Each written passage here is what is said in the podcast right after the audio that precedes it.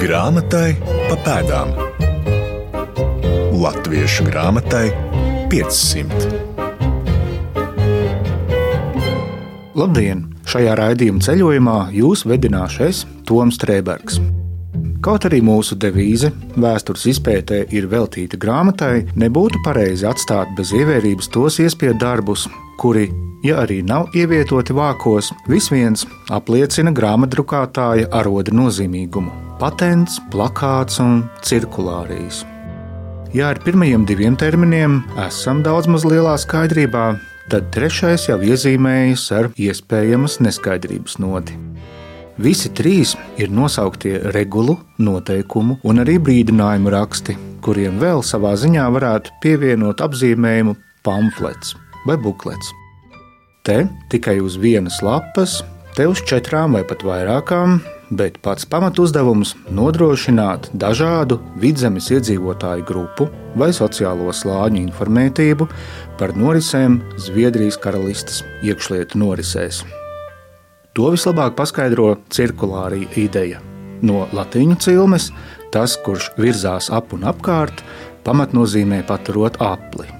Tā nu uz chronoloģiskās laika skalas mēs novietojam atzīmi, kuras raksturlielums ir Zviedru laiki vidzemē. Izpētes augsne Latviešu grāmatai 500. Vispirms atsaukšos uz vēsturnieces Margaritas Bardzevičas kodolīgo lēsumu par Zviedru monarhijas valdījumu pār mūsu šodienas izpratnē vidzemes teritoriju. Agros jaunos laikus Eiropas vēsturē iezīmēja absolūtisms, proti tāda monarhijas pakāpe, kurai raksturīga absolūta, vienpersoniska monarha vara. Absolūtismam raksturīgu valstu veidošanās caurvīja savstarpējās ķildes, troņmantošanas problēmu dēļ, cīņas par jauniem resursiem, valstu teritoriju paplašināšanu, kā arī pēc reformācijas laika konfesionālie kari. Pēc viduslaiku Livonijas politisko veidojumu sairšanas, to teritorijas kļuva par arēnu lielāko kaimiņu valstu cīņām un kundzību Baltijā un Baltijas jūrā. Latīniski Dominium Māris Baltiki, kas deva iespēju piedalīties ienesīgajā jūras tirdzniecībā starp austrumiem un rietumiem. Ik pa brīdim apmetot lokus ap vēsturiskajām liecībām par zviedru laika regulu drukājumiem, kurus mums, kā vienmēr ar interesi un laipnību, izrāda Latvijas Universitātes Akademiskās bibliotekas rokrakstu un reto grāmatu nodaļas vadītāja Āja Taimiņa, Ar vēsturnieku Latvijas Universitātes vēstures un filozofijas fakultātes profesoru Gvido Straubi ievelkam pamatlīnijas par Zviedru valdījuma izpratnes nostādnēm. Pastāv tas uzskats, ka tomēr Zviedri kaut kādu laiku nebija ļoti pārliecināti par to, ko viņi dabūjuši. Un līdz ar to viņa politika šeit bija ļoti korekta, piesardzīga, lai, lai neradītu jauniegūto teritoriju un tajā dzīvojošo cilvēku. Ja sevišķi jārunā par mūžniecību, laikam būtu nu, kaut kādu reakciju agresīvāku. Pēc tam jau tā, kad viss nu, saka, nomierinās, un tad, kad arī nabaga Gustavs Ādams ir beigts un pagalām, tad nu, no līguma tiek parakstīta, un tad jau viss kļūst varbūt nedaudz savādāk, un tad var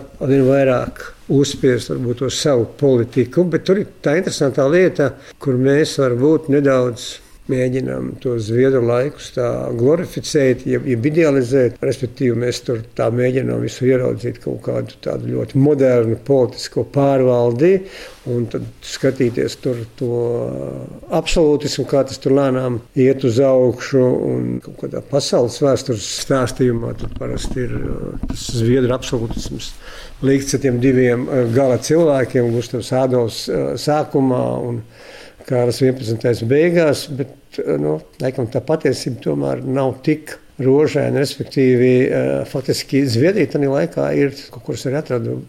Nesen. Publicistikā, to laiku sauc par tādu miksu monarhiju, jeb jauktu monarhiju, respektīvi. Tomēr ļoti liela nozīme joprojām ir vecajai sistēmai, vēl kārtām. Un tas karalis ir, nu, tā, viņam jāmāk sadzīvot, un, un, un tad varbūt no šāda viedokļa arī ir jādomā kā Zviedri šeit izturējās un kā viņiem tas viss likās, kā to varētu darīt. Brīžiem mums ir tāda idealizācija no vienas puses, bet no otras puses nu, diezgan maz zinām par to zviedru laiku. Līdz ar to šāda lieta, dokumentu pētniecība varētu daudz ko jaunu pateikt, kā patiešām reāli bija un kas bija un kāda bija tā attieksme, kāda bija tā saspēle starp zviedriem un, un vietējiem iedzīvotājiem šeit vidzemē. Tad, nu, ko teiksim, Tā labāk, es varbūt kaut ko skatījos no tām gadsimta beigām, tad tur tās attiecības ir ļoti sliktas. Respektīvi, tur Zviedru uzvedība ir ļoti nežēlīga, nikna, dusmīga. Nu, viens puses ir, kā to var saprast, jo nāk virsū lielais ziemeļu karš. Ko varbūt vēl neviens īsti to nezina. Bet nu, tur tie kaut kādi gadi, apmēram maksimums varbūt desmit pirms gadsimta mijas un, un kara sākuma ir diezgan traģiski, ko var redzēt. To arī ļoti, ļoti, ļoti labi redzēt Lantāga protokolos, kur faktiski tādā panikā visu laiku mužniecība iet, jo viņi redz, ka dzīve kļūst vien smagāka, vien nežēlīgāka. Sākumā viss tiek atņemts varbūt tā korekti gatavojoties karam, bet ar laiku jau Par to nekas netiek maksāts, tiek solīts tikai nu, vēlāk, vēlāk. Un tad pašās beigās, un jau tā kā karš iet vaļā, tad faktiski brutāli tiek viss ņemts nost un cilvēki. Un tas ir visi gan latviešu vienkāršais zemnieciņš, jeb Rīgas latviešu iedzīvotājs vienkāršais, jeb arī mūžnieks, jeb Rīgas kāds namnieks. Tie visi dzīvo ļoti šausmīgos apstākļos.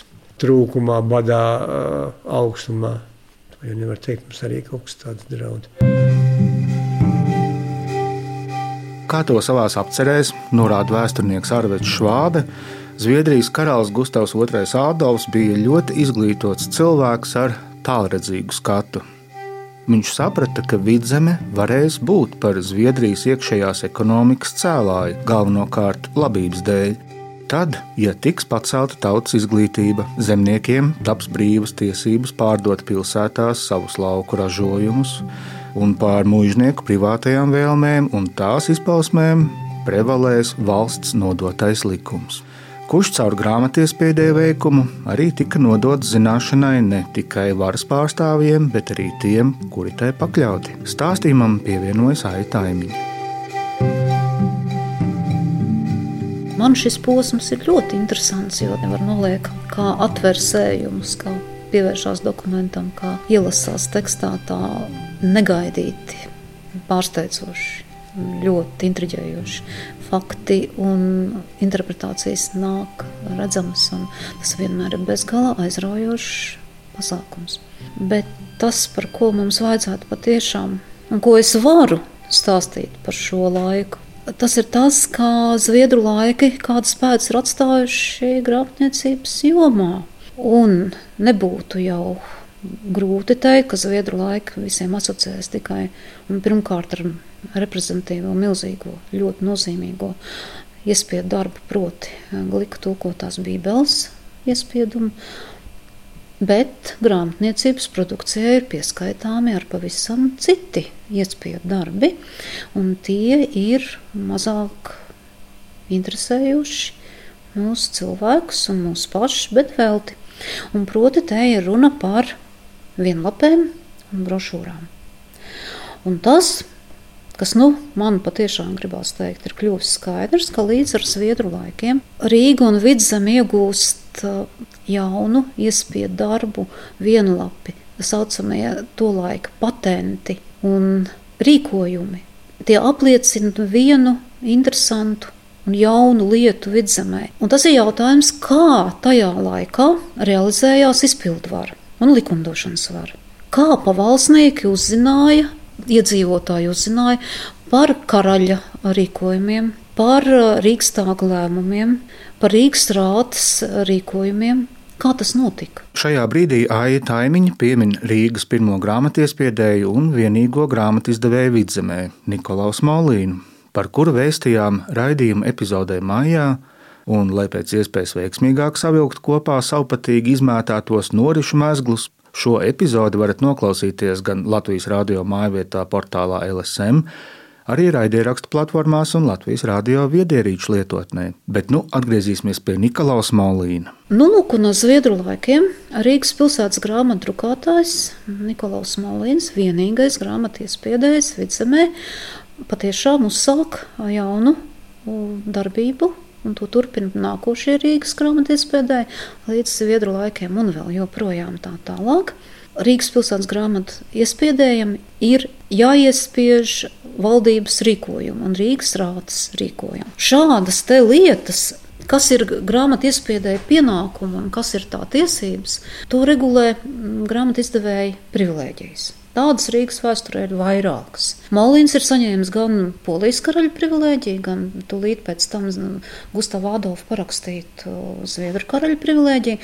Un šī privilēģija skaisti fiksē nu, pirmkārt to, ka Rīgas grāmatu iespiedējs tiek pasargāts no negodīgas konkurences, un viņam vienam ir tiesības visā valstī savas grāmatas izplatīt, drukāt, un tās nedrīkst tapt pārdrukātas un nelietīgi pārspiestas. Bet otrs ir tas, ka grāmatu iespiedējam ir jāvar izpildīt pilsētas pasūtījumu kā privilēģijā ir teikts, un Gustavs Ādovs privilēģiju apstiprina 25. septembrī tad, kad ir Rīgas pilsētas ģenerāla privilēģijas iegūtas, un 7. novembrī grāmatiespēdējs saņem atsevišķu privilēģiju, kas viņu sargā un nosaka. 621. gada 7. Mm, novembrī Molīns saņem privilēģiju no karaļa, kad karalis vēl ir pilsētā. Mm, atceramies, Gustavs Adolfs iejāja Rīgā uz Balta zirga 16. septembrī pēc vecā stila. Un novembrī ir, ir jaunā privilēģija, tā ļoti neatšķirās no poļu karaļa parakstītajiem pamatprincipiem, un joprojām ir spēkā viena prasība, ka grāmatu iespējām ir jāvar iespiest pilsētas lietām svarīgus darbus, pilsētai, baznīcai un skolai noderīgas lietas par saviem līdzekļiem. Un pie tam pilsētai tāpēc ir tam jānodod 60 eksemplārus šo grāmatu. Tas nozīmē to, ka grāmatu izpētējs kalpo pilsētai. Šī gadījumā arī Zviedru kronim. Un tas sāk turpināties. Uz laukiem vidzemē to var ļoti labi redzēt, ka darbojas tā saucamā cirkulāra sistēma, respektīvi no Rīgas nāk rīkojumi. Tie, kas ir domāti arī aktuāli mūsu senčam, latviešu zemniekam, vidzemes zemniekam, tad tie cirkulāri var ļoti labi redzēt, ka uz tiem papīriem ir vienmēr tas tā gaita, ja, kā tas ir. Tā kā mēs šodien varbūt redzam ēpastos, kad ēpasts ir izsūtīts, un mēs varam precīzi pateikt, kurā momentā kurš ko ir sūtījis. Atklājam tekstus. Jau pirmais molīna iespiestais rīkojums ir tapis Rīgā 16. novembrī 621. gadā, un tas ir Gustava Ādolfa vēstījums arī vidzemes un pilsētas iedzīvotājiem. Un aicinājums sakārtot savus īpašumu lietas un, zināmā mērā, veikt tautas skaitīšanu. Šādu rīkojumu Zviedru laikos būs desmitiem, simtiem. To rāda saglabājušies uh, rīkojumu patentu un pavēļu sējumi, ko tikai nereglamentē valdība visdažādākās lietas, sadzīves jautājumus, tiek ziņots par kariem, tiek ziņots par nāvi, tā paša Gustava Ādolfa aiziešana. Ir paziņojums, kas ir drukātā veidā tapis izplatīts. Jauns karalienes Hedvigs, Elena, Gustavs, Adolfa meitas Kristīnas ievēlēšana arī ir Tāpat paziņojums, kas ir tapis nodrukāts Rīgā. Un Hedvika Eleonora arī nākamā vēlētā, cita vēlētā karaliene. Tie ir interesanti saturā, par ko mēs tikai varam uzzināt. Mēs varam uzzināt par to, ka kuģu būvēšana Zviedru provincēs tagad ir atbrīvota no muitas. Mēs varam uzzināt par to, ka visā Rīgas pilsētā tagad ar Zviedrijas karaļa rīkojumu un ģenerāla gubernatora akceptu ir jāvar tapt uh, izmantotām viena veida alus un, un degvīna kanām, vai nu tās koka vai alvas būtu, un visām, lai būtu viens mērs, un visām, lai būtu caurums, lai netiek groģēts pār mēru. Mēs varam uzzināt par to, ka par duelēšanos ir gaidāmi trīs gadi cietumā. Tāpat ir zināms, ka ozola ciršana ir stingri reglamentēta zemēs. Tāpat ir skaidrs, ka tad, kad Rīga ir aplenkta un ķēngraga tūmā ir Krievijas cara Aleksēna Mihailoviča nometnu rīdznieki, rīdznieku karēvi un zemes sargi ir nodevušies šai, šai lietai aizstāvēt savu pilsētu, tiem pietrūkst apavu. Un tāpēc ir ģenerāla gubernatora rīkojums iespiests tapis Rīgas pilsētas tipogrāfijā, ka tagad Rīgā, tāpēc, ka karavīriem trūkst zābaku un um, kurpju, Rīgā drīkst ienākušie svešie tirgoņi tos bez muitas pārdot, kas agrāk tā nebija. Ir rīkojums par to, ka vidzemes upēs pērļu zvejošanas un pārdošanas tiesības ir karaļa tiesības, un to drīkst darīt tikai tad, ja ir klāta karaļa iecelts pāraugs. Un to nedrīkst darīt neviens, lai tas būtu izšķiltīgs, vai zemnieks, vai, vai brīvs, vai, vai, vai, vai dzimtas kalpībā. Desmitiem rīkojumu, desmitiem pavēļu, desmitiem informāciju. Un nebūs aizbildināties ar to, ka jūs šo likumu nesat zinājuši. Tāreiz gāja arī pašam grāmatdrukātājam. Un gadījums ir, atsevišķais gadījums ir patiešām visai interesants, jo, kā zināms, Rīgas pilsētā arī 17. gadsimtā ir greznības noteikumi spēkā un ir ierobežojumi attiecībā uz to, kā kuras kārtas cilvēks drīkst ģērbties un kā ir piedienīgi un kā ir pareizi un labi. Nu, viens zviedru rīkojums, piemēram, ir ierobežo greznību attiecībā uz kažokādas cepurēm ka gan vīriešiem, gan sieviešiem nedrīkst būt neparasti lielas caunu cepures. Un šeit ir iekritusi grāmatu iespiedēja kundze, kura vienreiz esot uzlikusi tādu caunu cepuri, kas ir bijusi garāka, un otrais viņa ir nomainījusi to pret tādu apaļīgu cepuri, un par to ir tapis ziņojums. Un tagad, tā kā kundze ir pati pie tiesas un pie aprunāšanās netiek saukta, tad par to ir jāatbild vīram, kurš ir atbildējis eh, soģiem, ka viņš par šādu rīkojumu neko nezinot, uz ko soģi viņam norādīt, tas nebūs pareizi, jo jūs pats to rīkojumu drukājis esat. Nu tā, grāmatu iespiedējis un, un lielā produkcija, ko pats varbūt nepārāk labi no galvas ir iemācījies tā funkcionē izpildu vara. Bezgala daudz rīkojumu. Parādās arī interesants uh, secinājums par to, kā tas realizējas. Vajag iedomāties tādu ķēdīti. Stokholmā parakstīts oriģināla dokuments ar karaļa zīmogu un parakstu. Tādu mēs varam arī šeit parādīt ar Gustavu Adolfu vai kādu citu zviedru karaļa rīkojumu. Šis rīkojums tiek atgādāts Rīgas pilsētu Tad uh, rīkojumi, kas var būt vai nu zviedru valodā, vai latviešu valodā, sākotnēji Gustavā Adolfa rīkojumi, ir arī latviešu valodā. Tas tiek tulkots vietējā vācu valodā, citā gadījumā pat arī latviešu valodā. Rīkojums tiek drukāts. Tad rīkojumu apstiprina, tiek iespiests oriģinālais karaļrīkojums. Tad Rīgas rāte akceptē šo rīkojumu un tiek iespiests otrs izdevums. Nu, jau Rīgas rāts uh, akceptu un parakstīts Rīgā, Rīgas pilī un Rīgas rātsnamā. Šādu rīkojumu ir daudz. Un, Oi. un te ir dzīvo. Nē, šis ir kolosāls plakāts. Es nu pat viņu sāku ielasīties. Tas ir regulējums, kā būs būvēt krogus. Nu, jā, tur tas gan ir svarīgs. Tas ir brīnišķīgs rīkojums.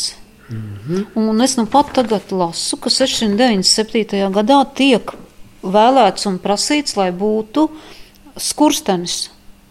Kamīns un krāsas. Jā, tāpēc, ka jā, jāžāvē drēbes, tas ir arī. Jā, bet tos skursteņus jau taču nebūvē un neceļ. Sk... Neceļ taču tos skursteņus, tie vidzemnieku dzīvotais briesmīgais nu, jā, istabās vēl 19. gadsimta sākumā.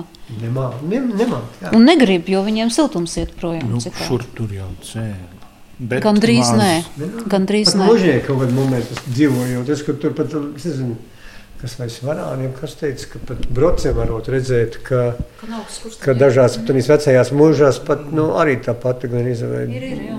Tāda, nu, un tad ir tie, tie ziņojumi no draudzēm, kur, ir, kur tiek uzskaitīts, ir vai nav, kā zemnieki dzīvo. Un tad vienmēr parastā frāze ir lielākoties dzīvo dūmistabās, skursteņu mm. nav.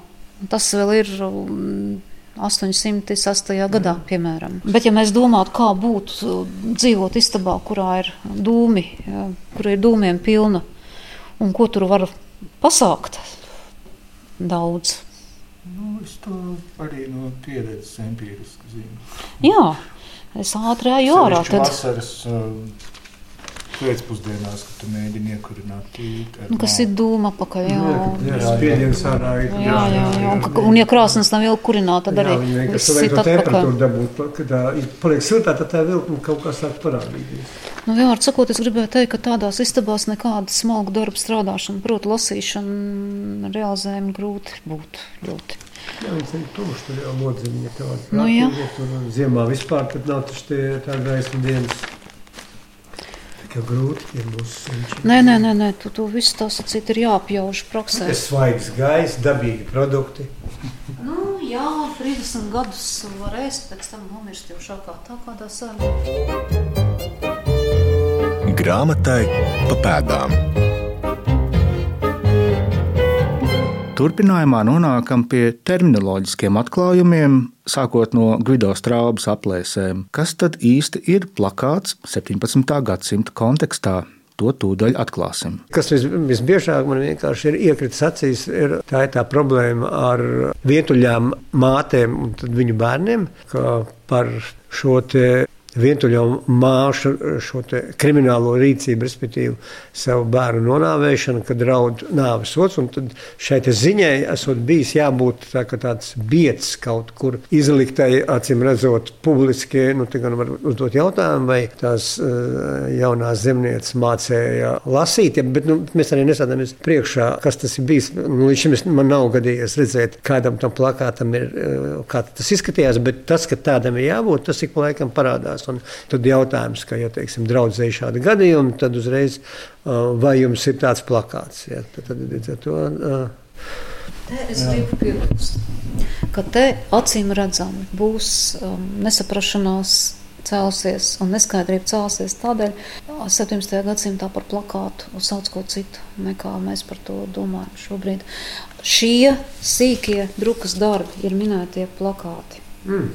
Un šis taisni man rokā esošais ir mūsu augstu un varenu ķēniņa soda likums pret to bērnu mušināšanu, minētais mm. plakāts 1600.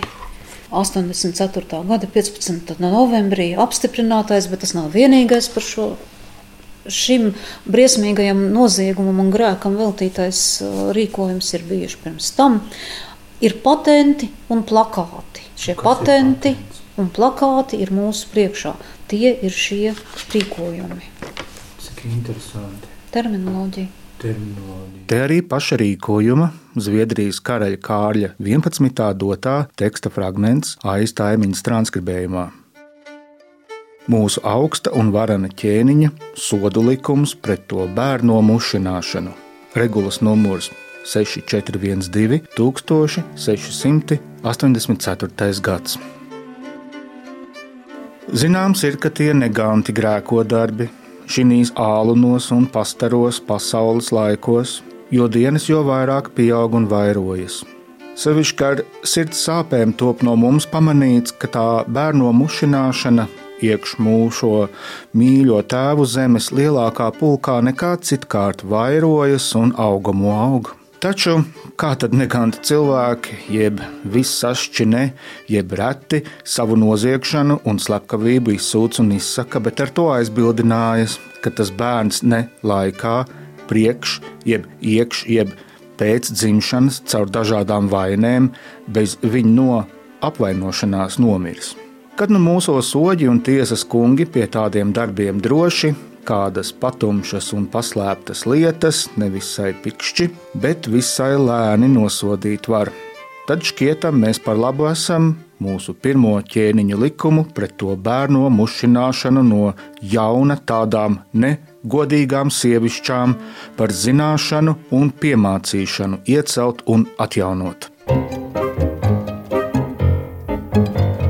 Svarīgā grāmatzīme. Mūsu trijotnes acu priekšā Vidzemes zemes pilsētu un baznīcas tiesību kodeks 1660. gads. Šeit tiks pieminēts viens no Rīgas tīkotājiem, Cārs Aleksis I. Romanovs, zināms arī kā Aleksis Mihailovičs. Nu, lūk, un par ko tad mēs te varam priecāties? Mēs varam priecāties par Rīgas pilsētas ģerboni kurš tiek papildināts ar jaunām heraldiskajām figūrām, proti, zviedru karaļa kroni virs krusta un uz lauvas galvas. Nu, viņš divreiz ir. Tas ir Jā. latīniskais, teiksim, vārds skaidrs. Domāju, ka te ir vecais un jaunais. Jā, jā. Bet arī pati lauva ir kā jauninājums. Nē, nē, nē, lauva ir, bet lauva ir tiek kronēta. Kroni, jā, tie kroni. À, tātad jaunums ir kronis, kā tu minēji. Jā. Un iemesls ir jā, arī aprakstīts iemesls. ļoti cildeniem vārdiem. Un mani centieni šo tekstu uh, nedaudz latviskot ir, ir noveduši pie tā, ka šīs ievadu frāzes raksta un apraksta situāciju, kas Rīgā risinājās Aleksēja Mihailoviča aplenkuma laikā, kad rīznieki izturēja šo 8000 karavīru lielā pulka aplenkumu un apšaudas. Un karaļa rīkojumā tā arī rakstīts pirms trim gadiem visādos veidos, gan ar solījumiem un lielu pierunāšanu, gan ar publiskiem varas darbiem un visādu karošanu tika uzbrukts un Rīga nu kļuva par priekšzīmīgu un pēctečiem allažu spožu paraugu, pastāvīgu un nekad nebeidzošos pastāvīgumu, uzticības, godīgumu pret mums, kroni, piemēru. Un te nopelni ir gan maģistrātam, gan pilsonībai. Un mēs, proti, Zviedrijas karalis atzīstam, ka mūsu pilsēta Rīga ir cienīga, kad izciltības gods, kārta un vārds piešķirams kā visai rātai kopumā. Tā nākotnē katrai personai atsevišķi, tur seko uzskaitījums kopā 19 Rīgas rātas kungiem, un savukārt, lai Rīgas pilsētas gods vēl vairāk varētu palielināties un būt labāk zināms, tad mēs nosaucam to par vidzemes un provinces galvaspilsētu. Pāri par citām pilsētām, pirmajā vietā, un kā vistuvāk mūsu rezidencē Stokholmai. Un papildinām Rīgas ģērboņu tā, ka virs krusta, kas tur no seniem laikiem bijis, novietojam karaļa kroni un kronējam arī reizē lauvas galvu, kā drosmes zīme, kā patriotismu zīme. Drosmes, jā, jā. jā. pielīdzinot galvaspilsētai Stokholmai kā otru nozīmīgāko Zviedru karaļvalsts pilsētu Rīgu apbalvojumu, kas spējas noturēties un nav nodevīgi un padevusies un kapitulējusi. Skaista zīme! Arī šādi drukas piemēri, proti, valdnieku dotās pavēles un rīkojumi, paskaidro grāmatniecības dažādās izpausmes un darbības. Paldies par šiem atklājumiem Latvijas Universitātes Akademiskās bibliotekas rokrakstu un reto grāmatu nodaļas vadītājai Ājai Taimiņai un par izgaismojošām izpratnes ievilcēm vēsturniekam Latvijas Universitātes vēstures un filozofijas fakultātes profesoram Gvido Straubem. Raidījuma producente Santa Lauga par labskaņu sardzē stāvēja Nora Mitspapa, mūsu projekta vadugunis Latvijas Nacionālā un Universitātes Akademiskā biblioteka, bet jūs uzrunāja Toms Streibergs. Nākamajā reizē grāmatu pēdzina Laima Slava vēstīs par Rīgas liceju un tā bibliotēku. Visu labu! Grāmatai pa pēdām Latviešu grāmatai 500.